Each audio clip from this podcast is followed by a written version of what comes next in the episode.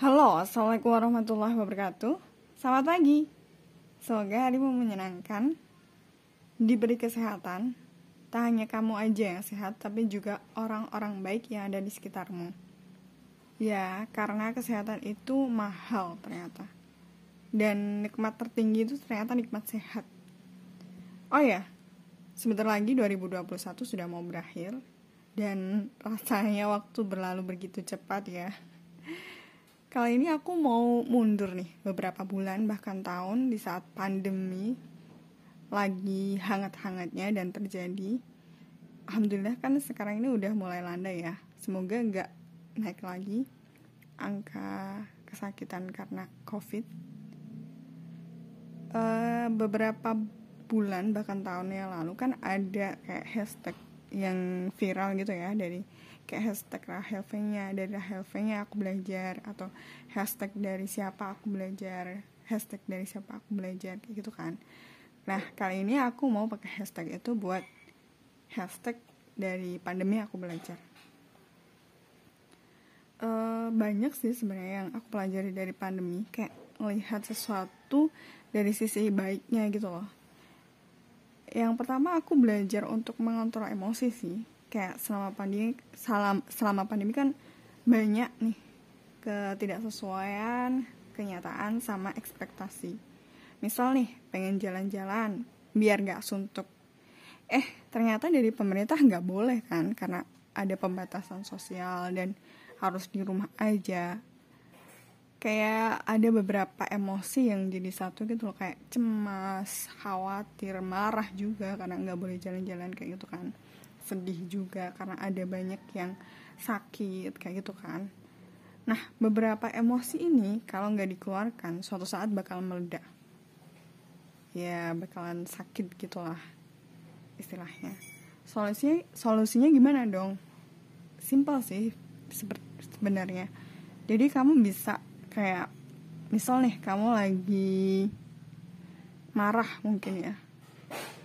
Kamu bisa uh, apa namanya tarik nafas hembuskan lewat mulut tarik nafas hembuskan lewat di mulut uh, saat minimal empat kali lah dan kamu bisa cek apa perubahan yang terjadi. Kalau di aku sih emang itu sangat ngefek tapi kan beberapa orang kan beda-beda. Sebenarnya tarik nafas kayak gini atau nafas ini bukan cuma bagus buat uh, ngelampiasin apa emosi yang kurang baik tapi juga bisa untuk mengurangi rasa nyeri. Jadi uh, beberapa tahun yang lalu tuh sebelum pandemi aku tuh pernah ngelihat seseorang yang emang dia tuh lagi kesakitan dan dengan sadar dia tuh langsung tarik nafas hembuskan. Tarik nafas hembuskan. Ya karena dia tahu teorinya gitu loh teori untuk menghilangkan rasa nyeri dan dia mempraktekkannya menurutku ketika dia lagi sakit dan langsung kayak gitu tuh suatu kesadaran yang hebat banget. Keren sih itu. Terus ada juga salah satu cara agar kamu tuh lebih tenang. Salah satunya yaitu meditasi. Meditasi itu kayak berdiam diri terus kayak refleksi uh, ngomong sama diri sendiri kayak gitu. Untuk tutorialnya bisa kamu lihat di YouTube karena itu banyak banget dan gratis asalkan kamu punya paketan aja sih. Ada lagi uh, cara lain agar jiwamu lebih tenang emosimu lebih stabil. Salah satunya adalah puasa media sosial. Uh, puasa media sosial pernah dengar nggak jadi uh, mungkin beberapa orang kan kayak dia tuh nggak bisa kan kayak hidup sendiri kayak gitu. Ya emang karena manusia emang nggak bisa hidup sendiri. But uh, kadang tuh kayak ngebuka sosial media terlalu sering tuh kayak memunculkan kekhawatiran kecemasan kayak uh, hopeless kayak gitu kan. Kayak ngebanding bandingin dengan tidak sengaja padahal juga udah tahu teorinya tapi tetap aja ngebanding-bandingin kayak gitu kan. Jadi salah satu caranya adalah puasa media sosial. Jadi mungkin ketika lo udah kayak capek ketika kamu mungkin merasa capek jadi mungkin bisa berhenti tutup media sosialmu minimal tiga hari lah. Tiga hari satu hari lah kalau untuk awalan. Satu hari terus lihat apa perbedaannya kalau bagus uh, lanjutin. Kalau ya nggak ada efeknya ya nggak apa-apa. Buka terus aja nggak apa-apa. Kan orang beda-beda.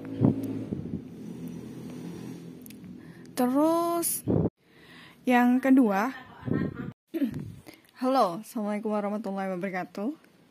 Ketemu lagi dengan aku Intan.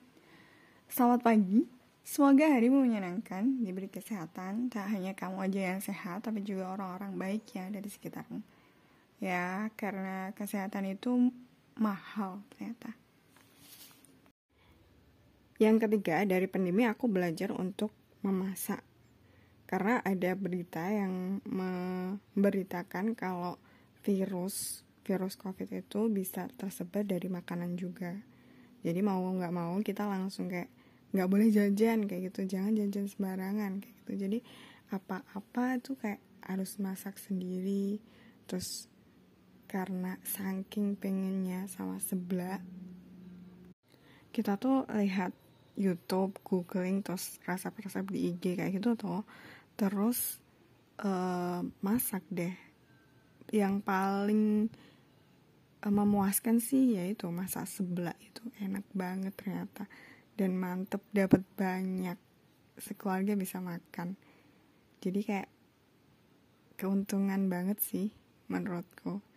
Kadang tuh kayak kreativitas tuh muncul karena kepaksa ya. Jadi kayak contohnya ini tadi karena untuk hati-hati agar nggak kena virus jadi harus masak sendiri dan ternyata bisa masak seblak